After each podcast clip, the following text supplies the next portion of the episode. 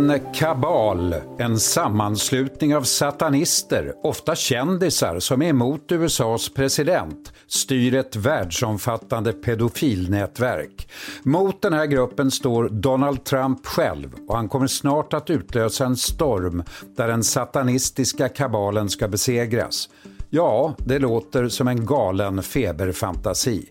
Studio DN idag om Qanon, en högerextrem konspirationsteori som får allt större spridning i USA inför valet, men också på andra platser i världen och här i Sverige. Jag heter Lasse Bengtsson.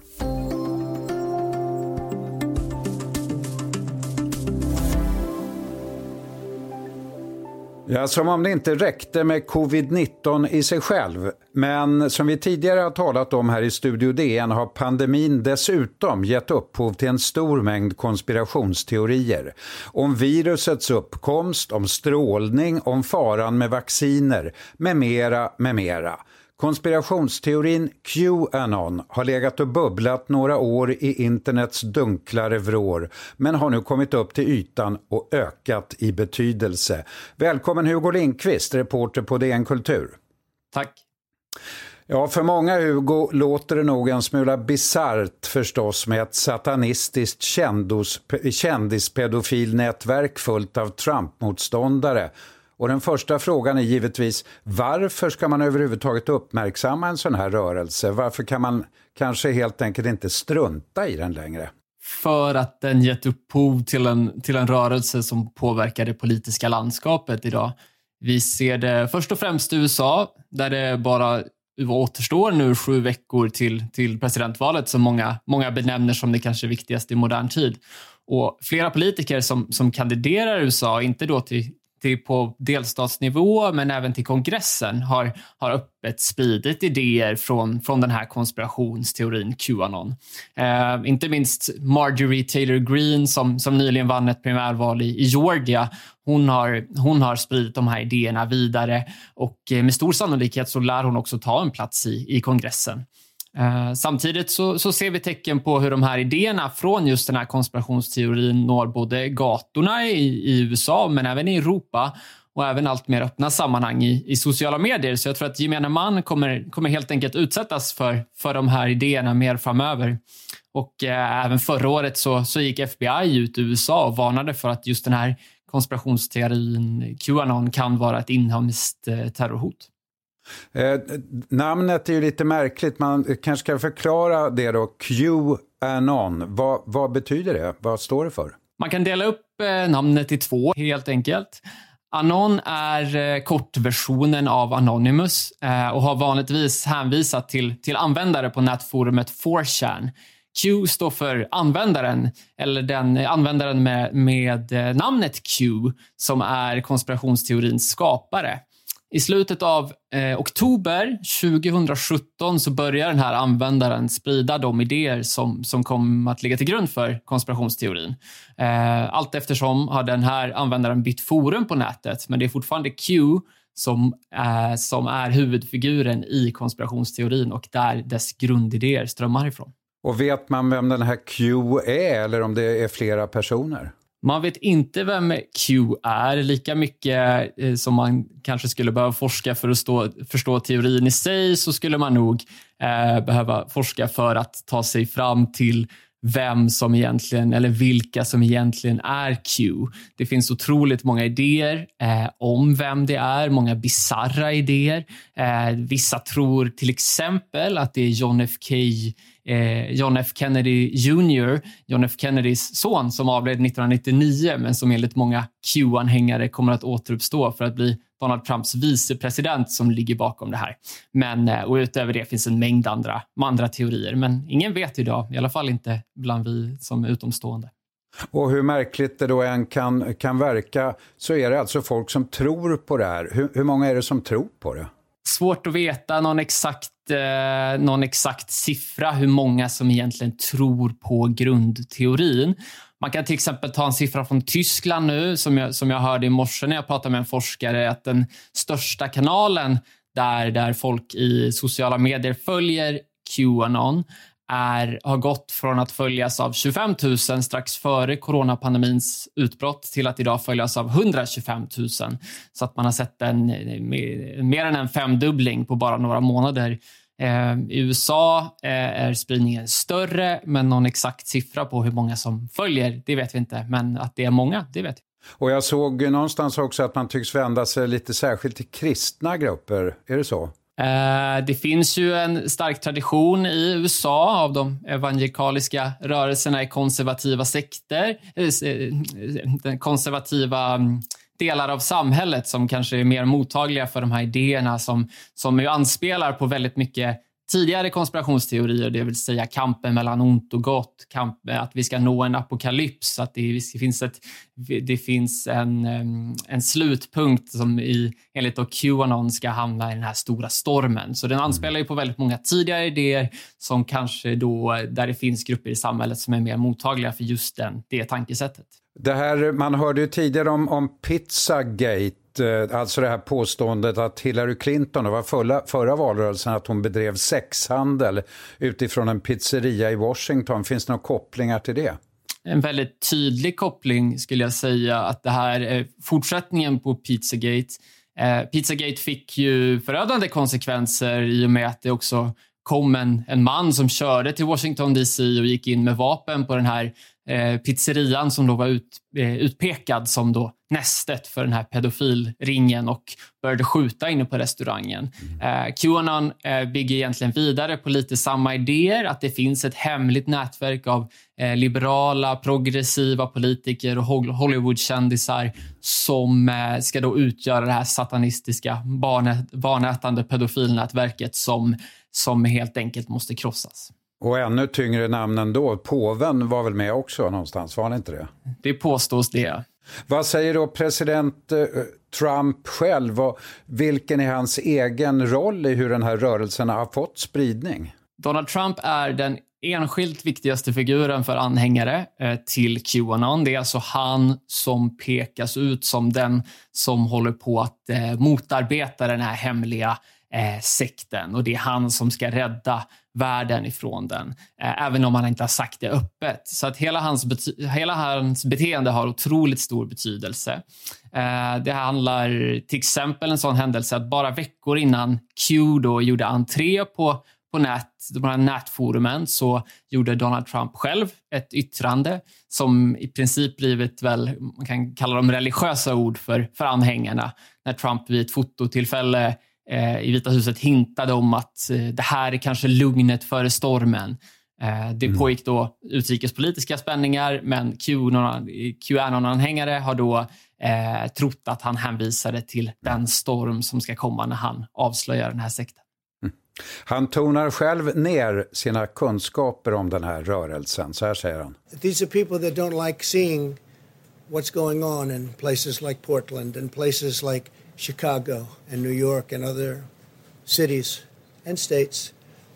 And uh, I've heard these are people that love our country and they just don't like seeing it. Människor som älskar vårt land, säger Trump. Det är känsligt för honom det här. Verkligen. Och eh, det är ju en grupp av människor som tydligt stöttar honom. Att han då skulle ta avstånd från den här rörelsen i frågan eh, hur det skulle då påverka hans presidentvalskampanj. Eh, samtidigt så är det en otroligt känslig fråga, eh, kan jag tänka mig för honom, för att det här är en grundlös konspirationsteori som det inte finns några som helst fakta för. Även om Donald Trump inte varit den som satt fakta i främsta rummet under sitt presidentskap så är det ju, finns det ju ingen som helst sanning i de här påståendena och de har gång på gång också visat sig inte stämma. Vi ska strax fortsätta samtalet om hur Qanon syns här i Sverige och utvecklingen framåt.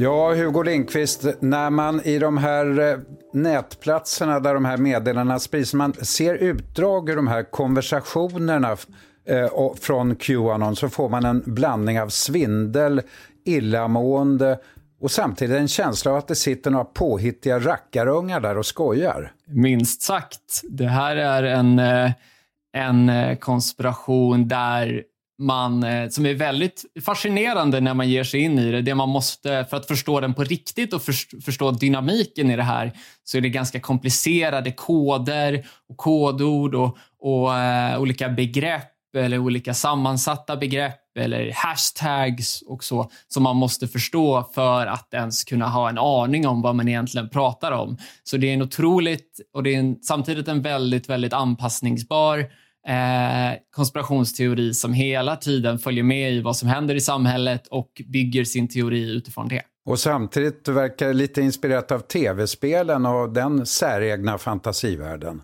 Verkligen. De plockar, eh, plockar eh, inspiration från stora delar av den digitala kulturen som har växt fram de senaste, de senaste åren. och, och Så, där. så att de har ju en, det finns en inneboende dynamik och en inneboende fantasirikedom som, eh, som är väldigt fascinerande att följa som reporter. Och de griper ju som sagt efter mycket 9-11, mordet på JF Kennedy, ufos och så finns det också ett tydligt inslag av antisemitism. Det gör det. Den här eh, konspirationsteorin bygger vidare på ett mönster av, av som andra konspirationsteorier redan dragit upp i förväg. Eh, och, att det, och i det att det då finns en hemlig makt eh, anspelar också på att det skulle finnas en judisk makt som i hemlighet styr världen. Som, eh, som journalisten och författaren Kent Werner säger i vår artikel så, som vi har skrivit så, så handlar ofta, många av de här nutida konspirationsteorierna om, eh, om en dold hand som då styr bakom kulisserna och den hämtar då näring ur antisemitiskt konspirationstänkande. Det gäller då inte minst Qanon som målar upp en konspiration bestående av satanistiska pedofiler, vilket har sin grund då som Kent Werner säger, i gamla myter om, om judiska satanistiska ritualmord på barn. Spridning som sagt allt mer i, runt världen. Hur ser det ut i Sverige? Vi ser tecken tecken på att det även förekommer i svenska sociala medier. Eh, jag har pratat eh, bland annat med danska och norska forskare och de, de ser väl också ungefär samma spridning, att den är ganska marginell men att den förekommer i, i Facebookgrupper till exempel med tusentals medlemmar. Eh, men när man ser de här QAnon-relaterade inläggen så är det ofta de används ofta, de här budskapen, i andra eh, i inlägg om andra typer av konspirationsteorier, det vill säga till exempel kring, kring antivaccinrörelsen mm. eller att 5G-nätverk skulle, skulle stråla på ett skadligt sätt och sådär. Men, men det finns även direkta påståenden, till exempel då att Q tillsammans med Donald Trump kämpar för att omvandla 5G-master till system för att då sända ut harmoniska ljudfrekvenser som ska leda till en ny ära av, era av mänskligt eh, medvetande. Det här måste ju, eh, Hugo, vara extremt känsligt för sociala medier, för Facebook och Twitter och, och så. Hur hanterar de den här spridningen av den här märkliga propagandan? Givetvis, eh, och vi har ju sett att sociala medier på ett helt annat sätt än inför presidentvalet 2016 nu försöker mobilisera för att hantera desinformation i sina flöden. Eh, vi vet att Facebook, Twitter, TikTok har tagit bort material som sprider den här konspirationsteorin. Eh, Twitter har även stängt ner URL-länkar till platser på nätet som kan associeras med, med Qanon. Twitter uppger också att man arbetar för att motverka att inlägg till, från konspirationsteorin lyfts fram i, i platt, eh, eh, på plattformen. Och när man, när man gjorde det här Twitter för några, några månader sedan så uppgav man då att man vidtog åtgärder mot innehåll som kan leda till offline harm, alltså skador i verkliga livet. Så där har man ju också hänvisat till att den här konspirationsteorin är på väg ut från nätet och in i verkligheten. Eh, du, eh, många skulle ju kanske vilja motbevisa Qanons teorier. Är det en bra idé? Eh, jag har tagit upp den här frågan. Den är väldigt intressant med, med flera eh, forskare. Just om man ska hålla på med så kallad debunking, som man säger. Att hela tiden försöka säga att det här stämmer inte, det här stämmer inte, det här stämmer inte. Jag pratade med en, eh, en forskare i Tyskland som heter Michael Butter som är forskare i amerikansk eh, eh forskare i Amerikastudier i USA eller i Tyskland. Och han, eh, han påpekar det att när man, när man, eh, när man försöker till de redan frälsta, de som är inbitna följare av, av konspirationsteorin, då kommer inte några motbevis eh, bita på dem, utan de kommer snarare, det kan snarare verka som en motsatt effekt, att man istället förstärker sitt tänkande för att man tror att den här de utomstående, de man inte gillar, egentligen bara försöker stänga ner vad man tror på. Och sådär. Samtidigt så finns det ju också ett värde i att det finns, det man ska veta om, om konspirationsteorin idag är att den utgörs, många människor som sprider budskapen kanske inte tror på hela teorin. Eh, och de är snarare sannolikt, de här grupperna av människor är sannolikt mer mottagliga för, för fakta som motbevisar dem. För det finns ju också en, eh, ett faktum tycks ju vara att många kvinnor tycks attraheras av den här rörelsen.